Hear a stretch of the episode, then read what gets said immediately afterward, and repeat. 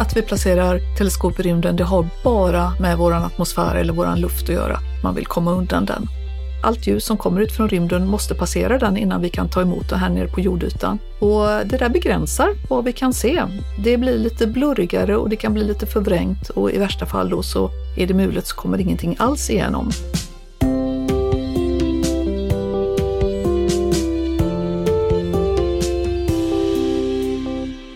Människor har i stort sett alltid vetat att jorden är rund, men av alla människor som någonsin har funnits så är det bara 24 stycken som har sett det med egna ögon. Bara astronauterna i Apollo-programmet har varit så långt bort att hela planeten har rymts i deras synfält. Längre bort än så har ingen människa någonsin varit. Och som tur är så behöver man inte lämna jorden för att lära sig mer om rymden. För trots att vi knappt kommit längre än månen så vet vi vad som händer i galaxer långt, långt borta. Eller åtminstone vad som hände där för länge sedan. För vi befinner oss ju redan i rymden. Allt vi behöver göra är att titta på utsikten. Du lyssnar på Idéer som förändrar världen, en podd från Nobelprismuseet. Jag heter Gustav Källstrand. Och jag säger välkommen till Maria Sundin. Välkommen! Ja, tack så mycket. Kul att vara här. Ja, kul att du är här. Du jobbar med att utforska rymden, eller hur?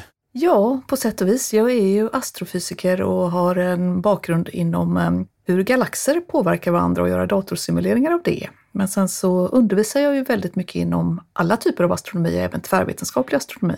Och det är ju väldigt kul och speciellt så här när man pratar till allmänheten och till eh, de som växer upp just nu att det finns mycket kvar att göra, även om vi har en hel del kunskap.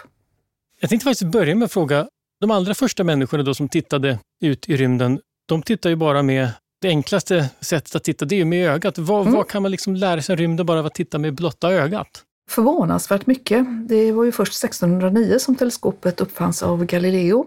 Man kan se mängder av stjärnor, runt 6000 stjärnor om man åker runt hela jorden och himlen är någorlunda klar.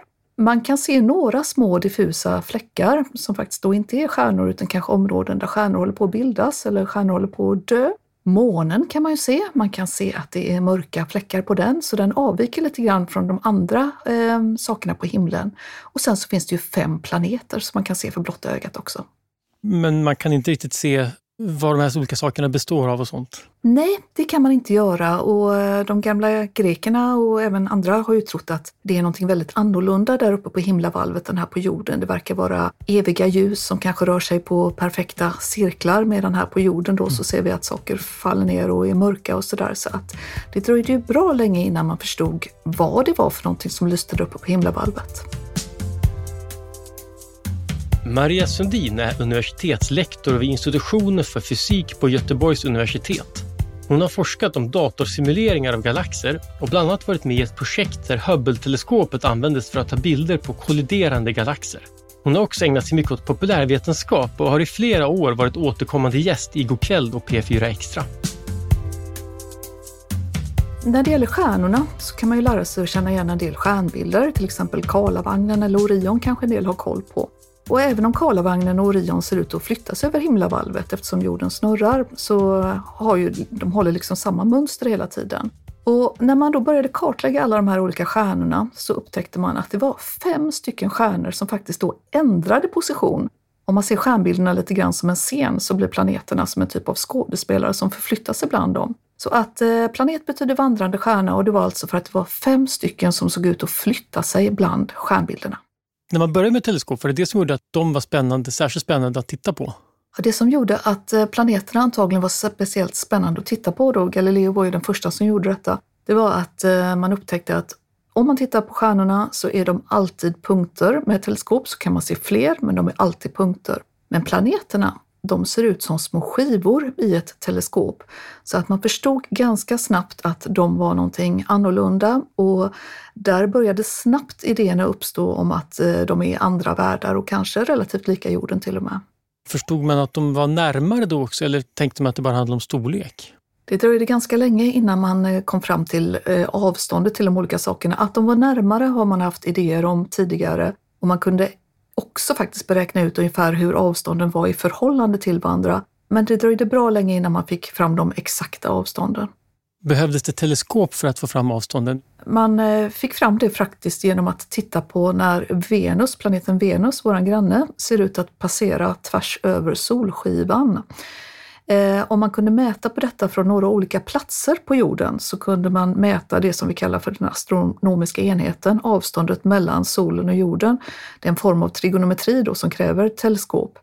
Så att, ehm, och det här hände bara sådär eh, med lite drygt hundra års mellanrum, så att det var väl först på 1700-talet någonstans som man började få ordentlig koll på det här med avstånden i solsystemet. Men det där är väl kanske viktigt för teleskop? Alltså man, man tittar mer om förstås och ser saker, men så måste man alltid, eller man räknar också på det man ser. Alltså du inne på vinklar och sånt. Absolut. Mycket trigonometri och sådant har det ju varit framförallt kanske förr i tiden och även idag när vi försöker titta på avstånd på himlavalvet och kanske ser hur stjärnor ser ut och flyttar på sig.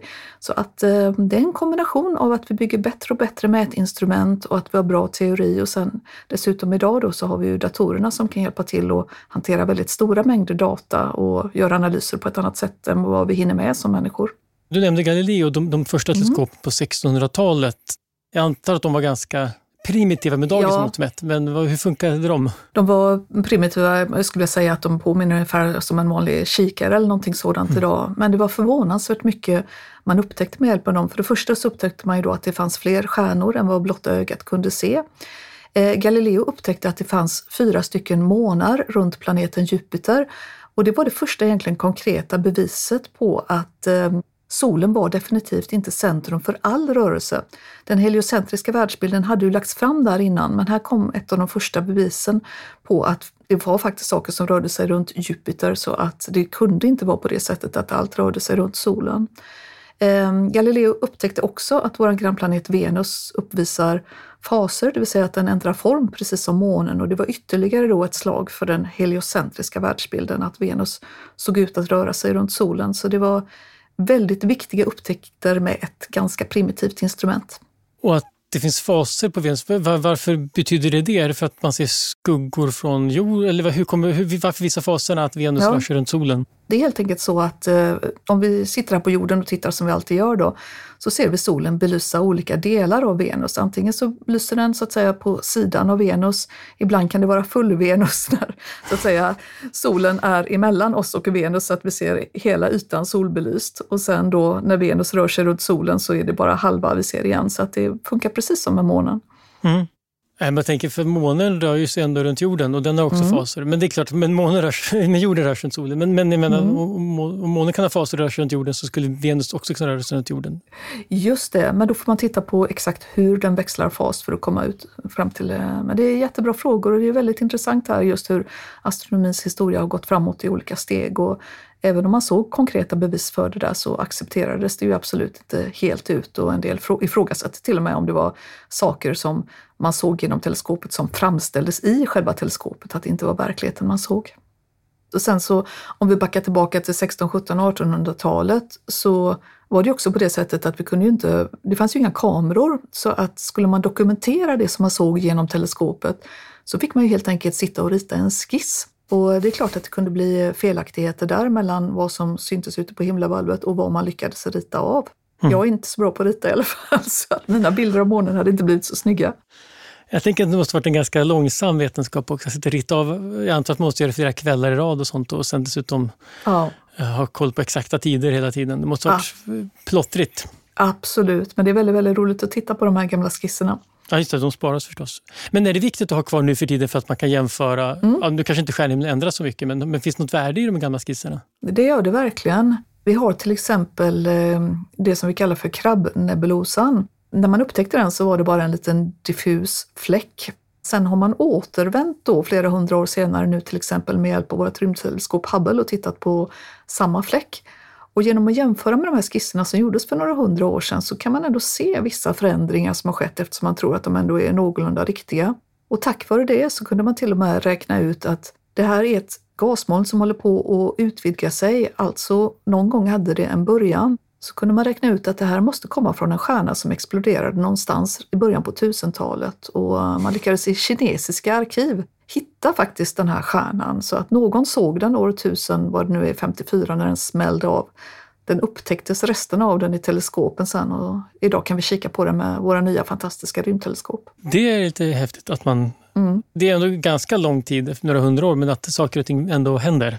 Ja, det gör det. Det är lite olika beroende på vad man tittar på. Har vi en galax som snurrar ett varv på 200 miljoner år så hinner det inte hända så mycket på några hundra år kanske. Men eh, när det gäller mer närbelägna saker så kan ju mm. mycket hända. Jag tänkte teleskop, den första var då kikare, men de blev ganska mm. mycket, eller nu är de väl mycket större. Vad var det som krävdes för att de skulle kunna bli så stora som de, eller hur stora är de idag förresten jämfört med Galileos? Oj, ja vi har saker som är väldigt, väldigt mycket större. Eh, jag kan säga ett av de största problemen i början, det var att eh, för att få eh, strålarna från rymden, det man plockar upp ljuset och fokuseras, så behöver man egentligen en parabolisk lins. Jag tror att de flesta har sett parabolantenner och sånt och vet att det är en väldigt speciell form. Och den mm. formen är rätt svår att slipa till. Det var mycket lättare att göra saker som var delar av sfärer, det vill säga som på ytan på en boll, liksom en liten bit av den, att de mer var krökta på ett lite annorlunda sätt. Så man byggde sådana här sfäriska linser, men de har vissa fel i sig. De bryter inte olika färger på samma sätt och de blir lite diffusa. Så man försökte göra väldigt svagt krökta sfäriska linser. Men då behövde man andra bygga väldigt långa teleskop för att få strålarna att fokusera. Så att under ett tag så trodde man att vägen framåt var att bygga så långa teleskop som möjligt. Och man byggde till och med teleskop alltså som var 60 meter långa. Jag kan inte ens föreställa mig hur svåra de måste ha varit att hantera. Men så småningom så lärde man sig att göra paraboliska linser och då kunde man istället koncentrera sig på att göra större glaslinser eller större speglar. Och ett steg framåt var också att göra spegelteleskop, det vill säga att det behövde inte vara en glaslins utan en spegel istället. Väldigt länge så var de största teleskopen här på jorden, för det är, det är svårt att bygga stora speglar som har perfekta mått. Runt sådär 5-6 meter. Eh, spegeln som sitter i rymdteleskopet Hubble är 2,4 meter i diameter. Men det är begränsat av att man måste kunna lyfta upp dem i rymden också. Nu för tiden så kan man ju bygga teleskop som är gjorda i olika delar och sen då så datorstyrs de för att efterlikna en så bra yta som möjligt. Alltså måste inte, man måste inte, liksom inte slipa dem så perfekt, man kan få dem att Precis, man kan, är flexibla då? Att man... Ja, och sen dessutom så kan man också koppla ihop flera stycken teleskop och få vissa effekter av att man hade ett ännu större teleskop istället. Det kallas för interferometri. Kan man då anpassa dem efter saker som temperatur och sånt där? Då, om det blir, eller? Ja, det, eftersom man kan styra saker med hjälp av datorer och sånt idag så brukar man ofta göra som så att man tar ett prov egentligen på hur atmosfären är precis vid observationsögonblicket. Man kanske skjuter ut någon strål, laserstråle och tittar lite grann på vad det finns för fluktuationer i luftlagren, hur de rör sig och vad det är temperaturer och annat. Så att vi har kommit stora steg framåt och vi lever i en spännande tid när vi kommer att kunna undersöka saker som vi inte alls kunde alldeles nyligen. Och du nämnde att eh, eh, Hubble finns i rymden. Varför, eh, varför måste man åka till rymden och titta när, man, Just det. när vi redan är på, i rymden? Ja, jag kan säga att ja, ja, verkligen. Och det är väldigt mycket enklare att göra saker från jordytan för man kan ställa in och man kan reparera och ha sig. Men vi har väder och vind. Till att börja med då, om man bor i eh, Sverige så är det ju väldigt ofta mulet här och det kanske regnar och ja, då ser man helt enkelt inte stjärnhimlen. Men det är så att våran luft, våran atmosfär, allt ljus som kommer ut från rymden måste passera den innan vi kan ta emot det här nere på jordytan. Och det där begränsar vad vi kan se. Det blir lite blurrigare och det kan bli lite förvrängt och i värsta fall då så är det mulet så kommer ingenting alls igenom. Men eh, rymdteleskopet Hubble sköts ju upp i början på 1990-talet och det var extrema protester för man hade ju kunnat göra väldigt mycket mer här nere på jordytan för samma kostnad egentligen som det kostade då att få upp det här rymdteleskopet. Sen så blev det ju ännu större katastrof när det faktiskt visade sig att spegeln var ju felslipad. Så att de första åren av Hubble-teleskopet var inte roliga. Man hade byggt ett jättedyrt teleskop och det levererade väldigt dåliga bilder. Tack och lov så kunde man ju eh, till slut sen komma på vad det var för fel med spegeln och sen så brukar man ju säga att man satte glasögon på Hubble-teleskopet. Man konstruerade en lins som korrigerade. Så att sen mitten på 1990-talet så har det levererat fantastiska bilder.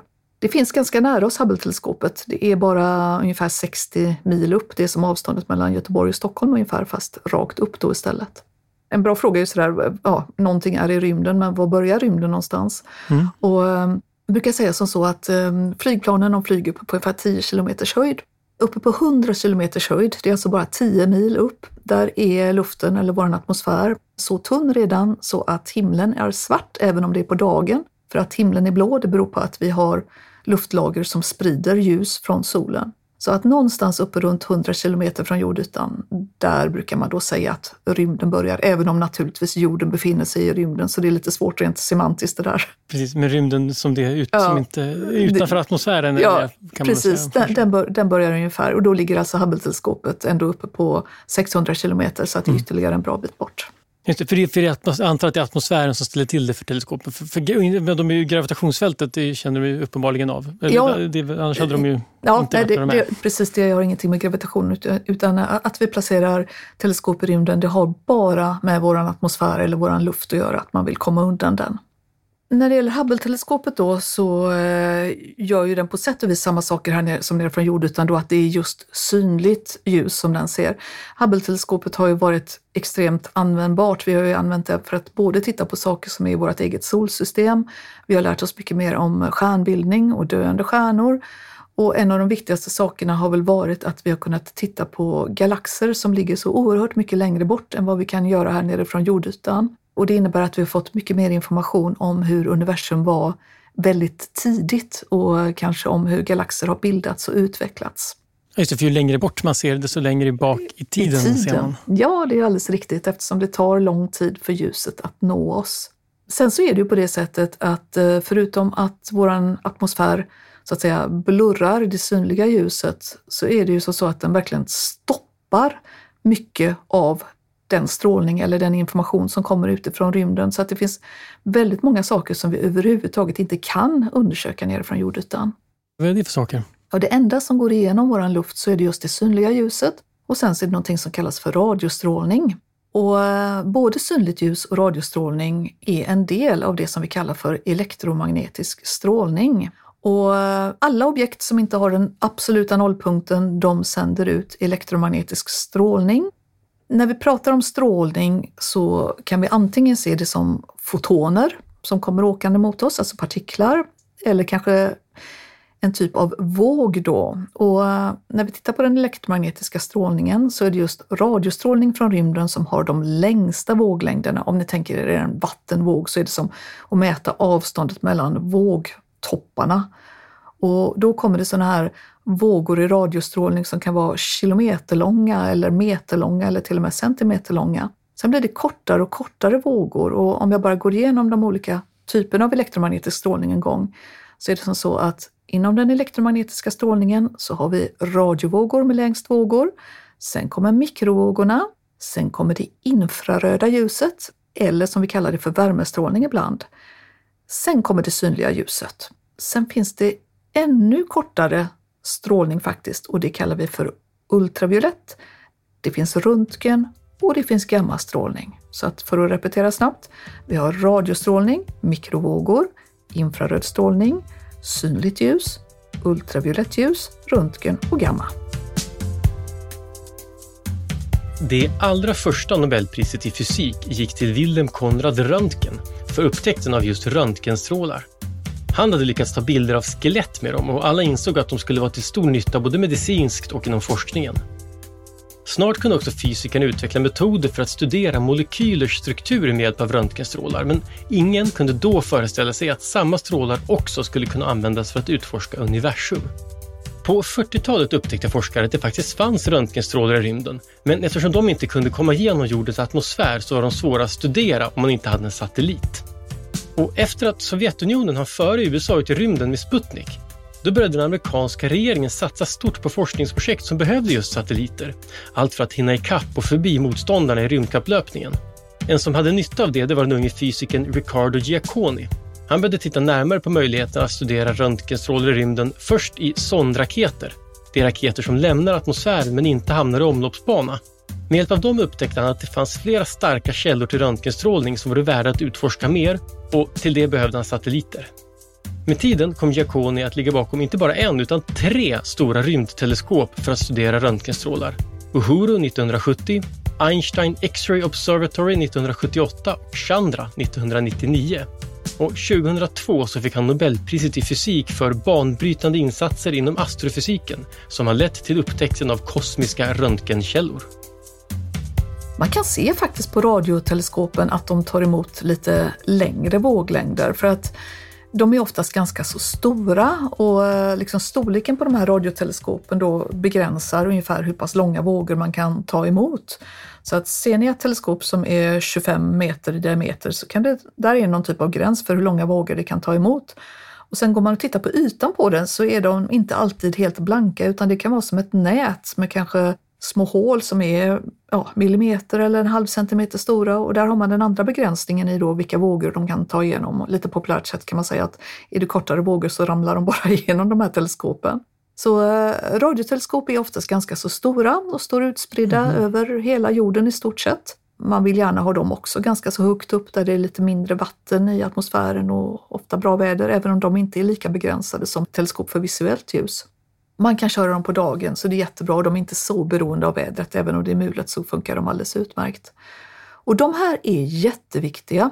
För det är nämligen som så att eh, det synliga ljuset det ger oss en hel del information om vad som finns där ute. Men med hjälp av radiovågorna så kan man analysera vad olika saker består av. För att olika atomer, olika molekyler, man kan säga att de, har vi tur då, så skickar de ut radiostrålning som är väldigt specifik för just det ämnet. Till exempel så består eh, universum till väldigt stor del av väte och det kan vi mäta med en strålning som är på 21 centimeter som ligger precis i radiovågornas område. Och jag tror att vid det här laget så har vi identifierat över 300 molekyler ute i rymden med hjälp av radioteleskop så att plötsligt så har vi som ett testapparat för att titta på vad universum eller olika saker består av. Mm, men det är lite svårt att förstå känner jag plötsligt. Mm. För att jag tänker så här, att varifrån kommer strålningen från de här molekylerna? Om jag tänker mm. att det är samma sak som att ljus kommer då från saker som lyser. Är det reflekterat ljus från de här sakerna? Eller strålar de av sig själva? Precis. Ofta om de ska skicka ut någon typ av strålning så är det som så att eh, en liten molekyl, den har tagit emot strålning någonstans ifrån. Den kanske har blivit upphettat av att det finns en stjärna i närheten eller, eller någonting annat som gör att ja, den har en viss energi. En typisk molekyl, den kan skicka ut strålning genom att till exempel det är en elektron som hoppar från en energinivå till en annan. Det här är också kanske ganska svårt att förstå, men det skickas ut en foton i så fall. Och sen så kan också molekyler just, de kan antingen vibrera eller rotera och i samband med det så skickas det ut fotoner eller våglängder. Men vilka typer av strålning som de här olika atomerna och molekylerna kan skicka ut, det beror lite grann på vilken omgivning de ligger i, om de är upphettade av någon anledning eller inte. Men jag tycker det man behöver veta just om radiostrålning, det är just att varje molekyl då, eller vissa atomer, de funkar egentligen som små radiostationer kan man säga. De sänder på sin speciella frekvens. Mm. Så att eh, tar man emot P3 på radion så ställer man in det på en viss frekvens och vill man ta emot till exempel strålning från kolmonoxid så ställer man också in då sitt radioteleskop på en speciell frekvens och så ser man, kommer det någonting där eller inte? Får se vad som är roligast att lyssna på. Ja, precis. Men om man, om man, men om man skulle kunna se radiovågor då, mm. då skulle man alltså se, om man tittar sig omkring oavsett om det är mörkt eller inte, mm. eller det blir ju inte mörkt då, då ser man, då, men då skulle man alltså se även på jorden saker lysa av lite radiostrålning. Man kan ju alltid översätta så att säga, den informationen mm. man får in, att, att det är liksom extra mycket strålning kanske åt vissa håll skulle man ju kunna färglägga till exempel. Eller för den som är kreativ så kanske man skulle färglägga lite grann efter då vad det är för typer av ämnen som man ser i olika riktningar. Men de här radioteleskopen, precis, för det är osynligt ljus, hur tolkar man signalerna? Översätter man det just till bilder eller, eller nöjer man sig med att eh, räkna på det, på siffrorna? Eh, relativt ofta så gör man nog någon typ av bild av det. Man, man kan väl säga som så att i stort sett så kommer det strålning in som omvandlas till en elektrisk signal och så ser man hur pass stark den där signalen är. Och den kan man översätta då antingen till siffror eller till någon typ av bilder. Men ganska så ofta så vill man nog göra sig någon typ av bild över hur strålningen är fördelad. Är det här någonting som till exempel är runt eller är det någonting som verkar rotera eller någonting annat? Så att det beror lite grann på vad man är ute efter. Det finns ju en sån känd bild. Det är väl en annan sorts strålning. Jag tänker på den här bilden på den kosmiska bakgrundsstrålningen, när man, som är ett stort fält med lite olika färger. Absolut. Men då är det alltså vilken sorts strålning är det? Det, det, det, är ju, man har ju tagit emot den kosmiska bakgrundsstrålningen eh, med hjälp av radioteleskop, men det ligger inom det som precis kallas för mikrovågor. Och, eh, jag kan ju poängtera då att mikro här betyder faktiskt inte mikrometer utan eh, när vi säger mikrovågor och menar strålningen från rymden så ligger det från ungefär 30 centimeter till en millimeter långa vågor. Och det betyder, mikro i det här sammanhanget betyder egentligen bara liten. Så att det tar man emot med radioteleskop. Och första gången som man upptäckte bakgrundsstrålningen då trodde man ju faktiskt att det var något fel på teleskopet. För det, det var ju på 1960-talet och det kom bara in konstig strålning från alla olika möjliga riktningar och man trodde ju att det var duvorna som hade bajat på antennen eller var det var något fel i mottagarna. Innan man faktiskt kom på då att eh, det var den här bakgrundsstrålningen som hade föreslagits rent teoretiskt att den skulle finnas. Och det ledde ju till ett Nobelpris, den upptäckten. Just det. Och, och, och den, det där, då är man verkligen inne på att titta mm. bakåt i tiden. Den strålningen som man upptäckte då, eh, den kommer från en tid när universum bara var 300 000 år gammalt. Idag så tror vi att universum är 13,8 miljarder år gammalt. Och eh, vi vet att universum håller på att expandera idag och om vi vänder på det där så vet vi att universum då en gång har varit mindre och tätare och varmare. Så när bakgrundsstrålningen skapades så var temperaturen i universum ungefär 3000 grader. Idag så har universum expanderat och svalnat och idag så motsvarar då den här strålningen en temperatur på ungefär 2,7 Kelvin, vilket är ungefär minus 270 grader Celsius som finns helt enkelt där ute i bakgrunden i alla riktningar. När man upptäckte den så verkade den vara helt jämnt utsmetad över hela himlavalvet. Men eh, idag så vet vi att det finns små, små, små variationer i den här bakgrundsstrålningen. Jag tror för övrigt att det ledde till ytterligare ett Nobelpris 2009 ställde fysikprofessorn George Smoot upp i tv-programmet Smartare än en 50-klassare som går ut på att vuxna får svara på frågor som barn som går mellanstadiet ska klara av. Det kanske låter lätt, men det är väldigt få som klarar av att svara på alla frågorna. Prispengarna var en miljon dollar. Det som var lite speciellt med Smoot det var att han redan tre år tidigare hade vunnit ett annat pris som bestod av en miljon dollar, nämligen Nobelpriset i fysik. Det hade han fått för ett experiment som hade skickats upp i rymden på satelliten KOBE, Cosmic Background Explorer, som alltså skulle utforska den kosmiska bakgrundsstrålningen, mikrovågorna som visar hur universum såg ut när det bara var 300 000 år gammalt. Smuts experiment hittade ojämnheter i strålningen och det var viktigare än det kanske låter eftersom det var de här skillnaderna som med tiden gav upphov till strukturer i universum. Hade strålningen varit helt jämn, då hade universum sett likadan ut överallt och då skulle det varken finnas stjärnor, galaxer, planeter eller människor. Men hur gick det då för Smoot i tv-programmet? Jo, efter att ha klarat alla frågorna utan problem så fick han titta in i kameran och säga “Jag heter George Smoot och jag är smartare än en 50-klassare”. Som om någon egentligen hade tvivlat. Det vi ser, att det finns sådana här variationer, det kommer från det tidiga universumet och det var liksom själva upphovet till mycket av den struktur som vi ser i universum idag för att vi bor ju i ett universum där allting inte alls är jämnt utsmetat utan det finns planeter och vi finns och det finns stjärnor och det finns galaxer och det verkar finnas stora tomrum. Så att vi ser idag att, det, att universum består av struktur. Och den strukturen vet vi nu via bakgrundsstrålning att det fanns väldigt, väldigt tidigt i universum. Men och ändå är man inte nöjd utan det finns fler våglängder att utforska. Det gör ju det. Ska vi ta och gå vidare till infrarött? Ja, tänkte, ja precis. Och vad, vad, ger det i det här läget? Känns det som att vi kan så mycket. Vad, vad, Varför nöja sig där? Ja, eh, infraröd strålning då, eller i vardagligt tal så brukar vi kalla det för värmestrålning. Men man kan känna om man bara tar ena handen och för den sakta mot sin andra arm eller någonting sådant så kan man känna att man själv strålar ju lite grann i värme. Man känner att det blir lite varmt. Och det finns ganska många saker där ute som eh, inte lyser i synligt ljus, men däremot så är de varma. Ett eh, typiskt sådant exempel är ju planeter, till exempel sådana planeter som jorden. Till skillnad från en stjärna så lyser ju då inte våran planet, men den är varm, den är inte helt kall. Och är det någonting som vi är intresserade av att upptäcka så är det ju planeter runt andra stjärnor. De kallas ju för exoplaneter. Vi har ett antal olika metoder för detta. Och med hjälp av att studera infraröd strålning så eh, kan vi upptäcka sådana här planeter, kanske ännu bättre i framtiden än vad vi kan göra idag. Mellan stjärnorna i galaxerna så finns det också eh, stora gasmoln som stjärnor kan bildas ur eller som stjärnor har blivit när de har exploderat. Och de är oftast relativt kalla, men de är inte vid absoluta nollpunkten. Och de kan vi titta på med hjälp av värmestrålning. Tittar vi in mot till exempel centrum i våran galax, Vintergatan, så är det så mycket gasmoln och annat i vägen så att skulle vi bara titta med synligt ljus så kan vi inte se vad som finns där.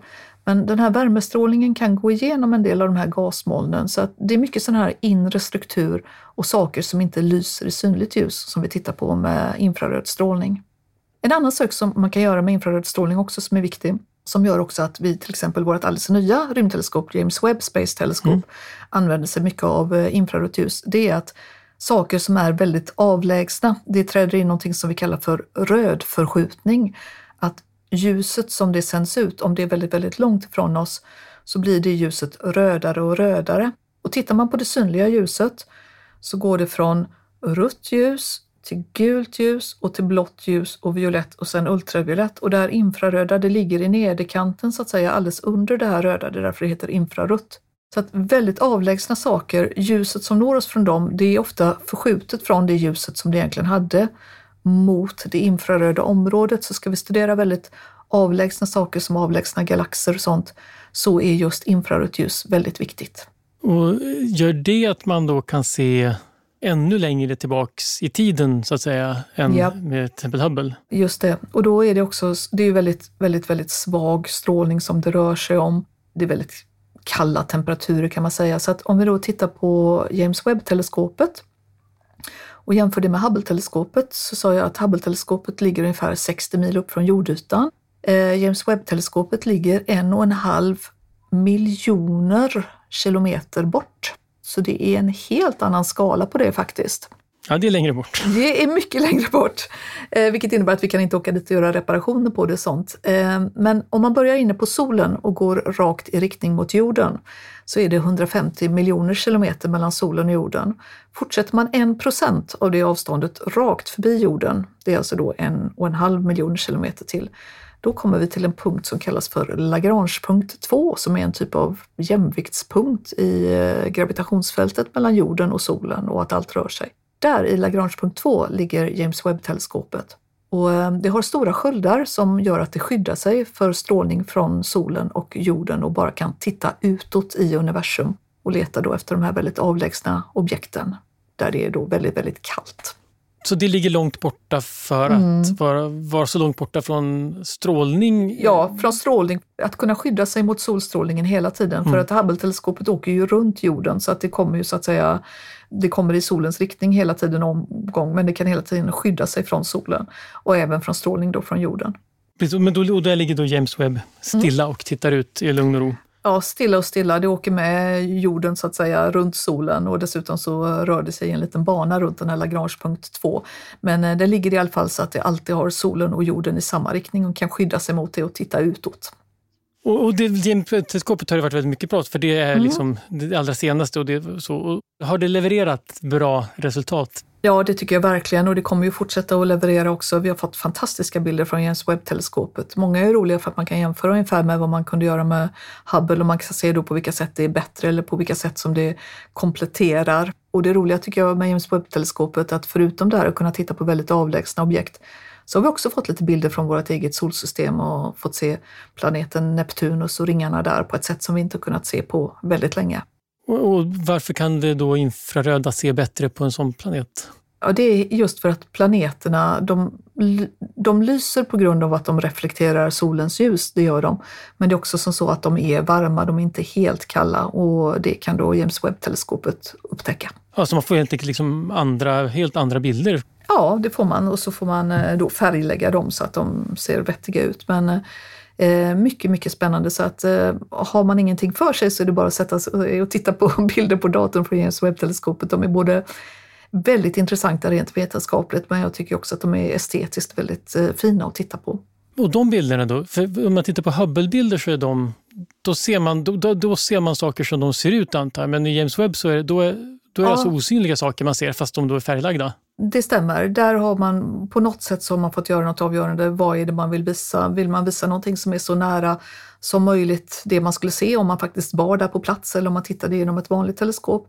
Eller är det så att man vill förstärka vissa strukturer? Eller är det så att man vill visa olika typer av ämnen som någonting består av? Så att jag föreslår att man tittar ganska noga på bildtexten, vad det är man ser faktiskt när man tittar på de här bilderna. Men, men det är inte det första, det har funnits andra infraröda teleskop innan antar jag? Annars hade man väl inte vågat kanske? Ja, det har det gjort.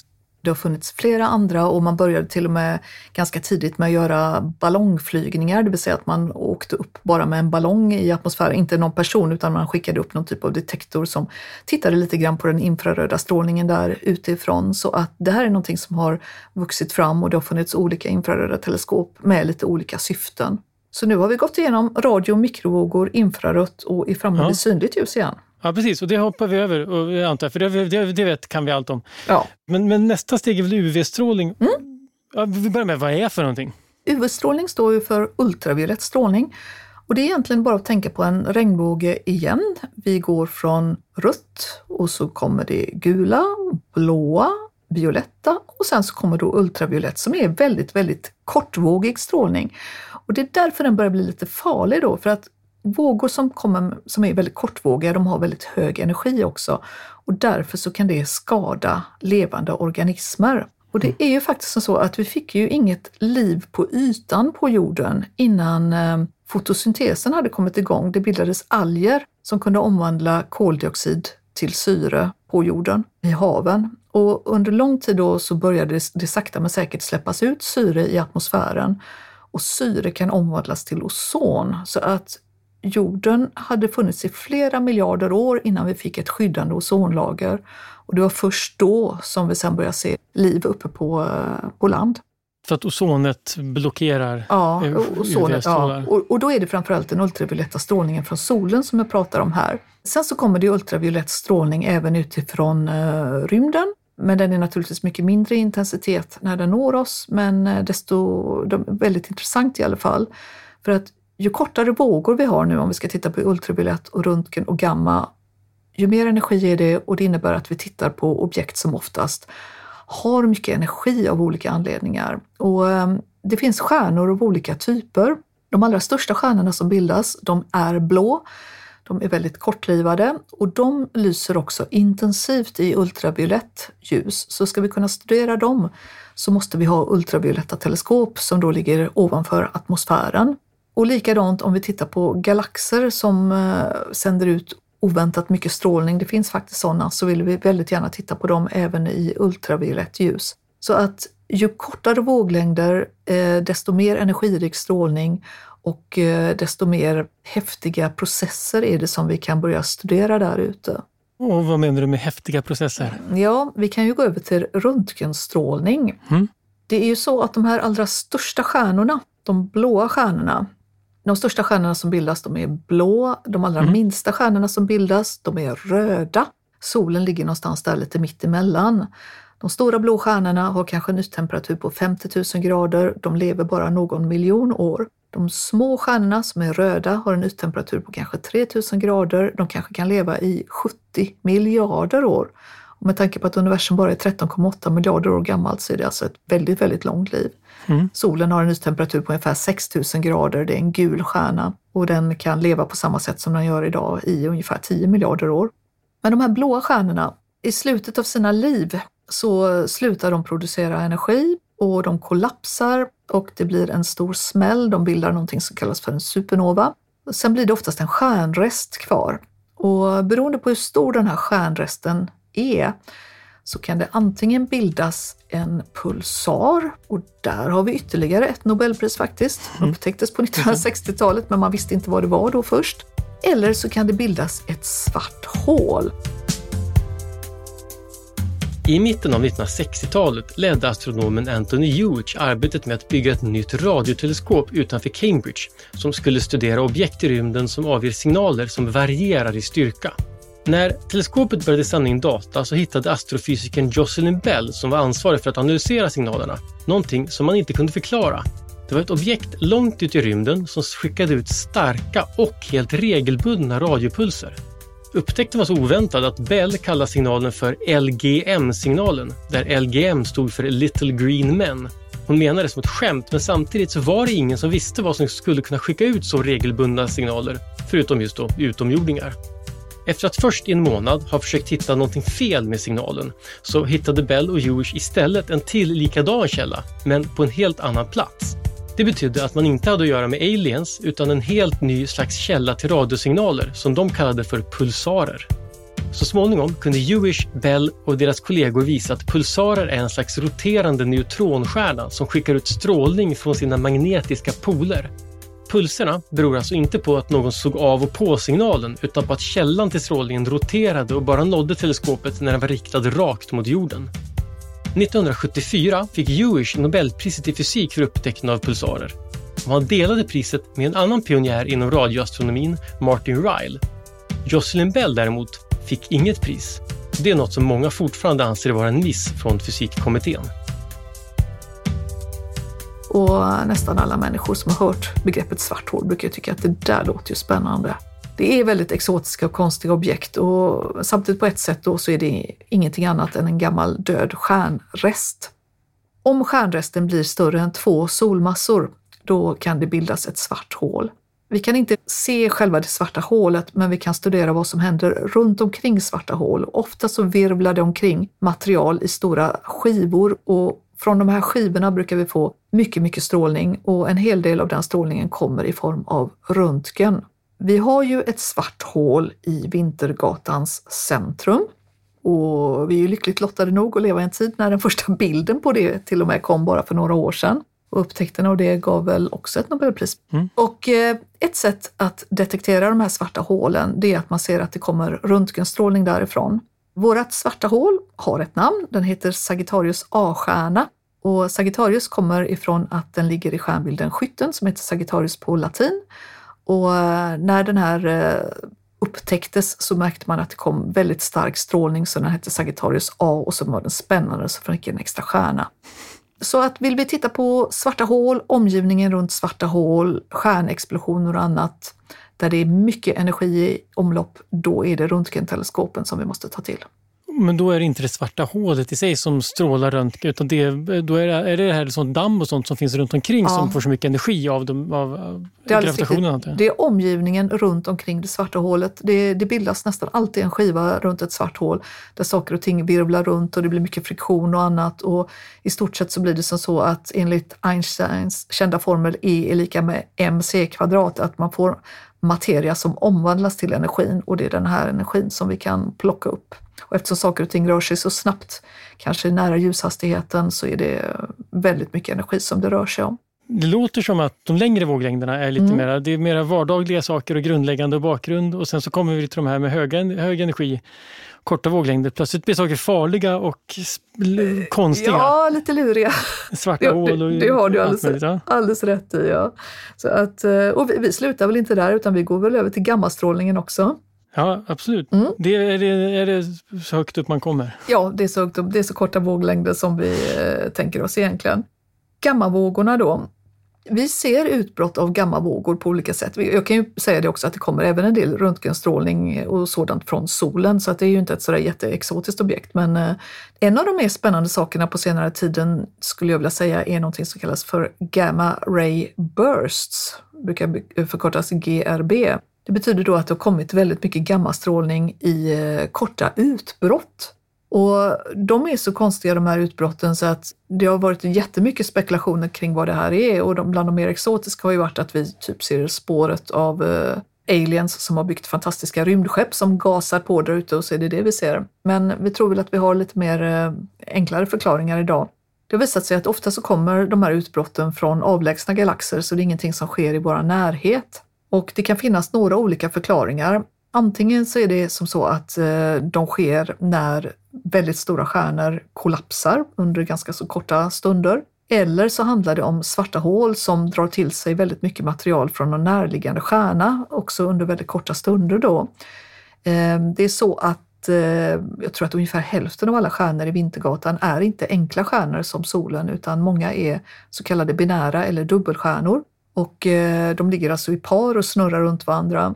Och om den ena stjärnan råkar bli ett svart hål så kan det tänkas att den börjar tugga i sig material från stjärnan som ligger i närheten.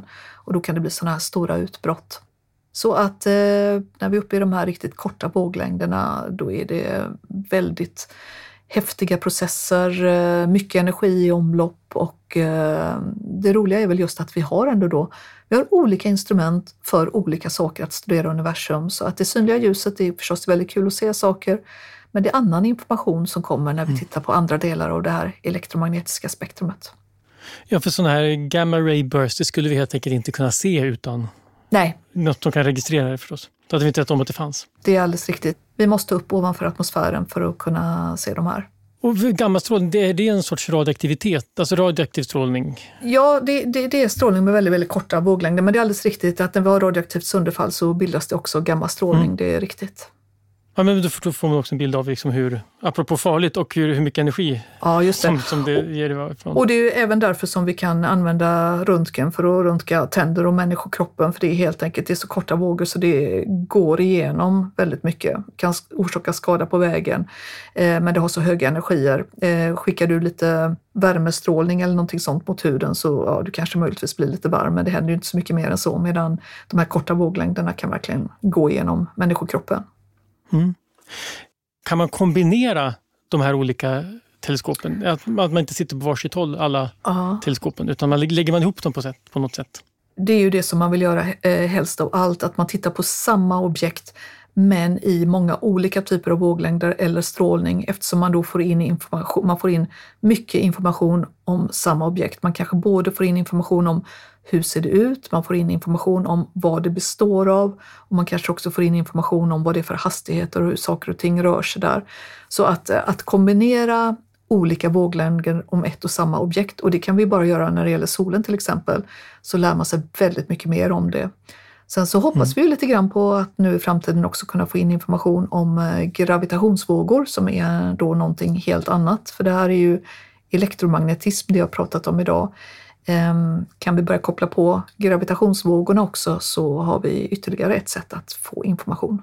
Ja, man kan tänka sig att vi gick ifrån att allt vi vet om rymden nu kommer från en sorts strålning och då, då får ett till sorts teleskop så plötsligt man kan bara föreställa sig vad ja, man kan få reda på. Ja, precis. Och vi, vi, som sagt backar vi tillbaka till innan 1609 så hade vi då våra ögon som i och för sig är helt fantastiska mottagare. Vi kan ju faktiskt till och med med blotta ögat se Andromeda-galaxen som är vår granngalax. Den ligger ungefär 2,5 miljoner ljusår bort så att det är inga dåliga mottagare som vi har. Nej, vi kommer en bit på vägen. Men jag antar att det är lättare nu att veta vad vi ser med våra ögon när vi, vet, när vi har ja. tjuvkikat lite med, med teleskopen. Med hjälp av andra teleskop och så fort vi kommer ovanför atmosfären också. När du ser framtiden för teleskopen, mm. är, det, är det fler rymdteleskop eller gravitationsvågor? Eller vad, är, vad är liksom de stora de framtida stora, drömmarna för dig? En sak är ju till exempel det här med interferometri, att man kan koppla ihop flera teleskop och därmed få en del av samma information som man skulle ha haft om man hade kunnat göra ett jättestort teleskop. Om vi har ett teleskop här i Sverige och ett i Chile så får man inte lika bra data som om man hade ett stort teleskop som hade varit lika stort som avståndet mellan Sverige och Chile, men man får ändå liksom en viss av den effekten.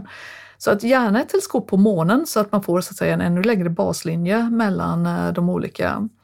Jag hoppas ju så småningom att vi ska få in eh, bilder på eh, exoplaneter, planeter runt andra stjärnor till exempel. Vi kommer att behöva fler rymdteleskop, men jag tror också att vi kan bygga bättre saker här nere på jorden. Ehm, vi har ju ett problem och det är ju att ehm, våra städer eh, orsakar ljusföroreningar. Mm. Himlen är inte lika mörk längre som den en gång i tiden var. Det är i själva verket väldigt, väldigt svårt att se en riktigt klar himmel som inte är påverkad av vår civilisation och ljuset därifrån. Det är ju till och med så att det har börjat uppstå astroturism på vissa orter. Man kan få åka och titta på hur stjärnhimlen faktiskt egentligen ser ut. Och ett ytterligare hot är ju, om, om man nu vill se en stjärnhimmel på det sättet som det alltid har gjort, det är att vi har skickat upp så pass mycket satelliter och numera också väldigt stora satellitkomplex. Så att det finns nästan alltid något teknikobjekt som passerar så att eh, det kan både göra problem för folk som vill göra astronomi här nere på jorden, att det helt enkelt kommer någonting och åker förbi synfältet. Men det innebär också att eh, vi inte kan se en ostörd stjärnhimmel längre. Så det, mm. vi får väl se vad det leder till om vi faktiskt får flytta all astronomi till månen längre och att ingen här längre kommer ihåg hur en stjärnhimmel ser ut. Men vi får hoppas att det inte går så långt. Ja, det vore ju skönt. Så länge det finns några få mm, eh, konstgjorda saker kan ju vara roligt om man tittar Ja. med teleskop och råkar se rymdstationen passera. Men det är tråkigt när det är det enda man ser. Ja, precis någonstans där mittemellan och så får man förstås väga för mot nackdelar eftersom det är så mycket bra saker vi kan göra med de här satelliterna mot det, ja, lite kanske estetiska perspektivet eller något sånt, att se en ostörd stjärnhimmel. Så att det är väldigt, väldigt svåra frågor naturligtvis.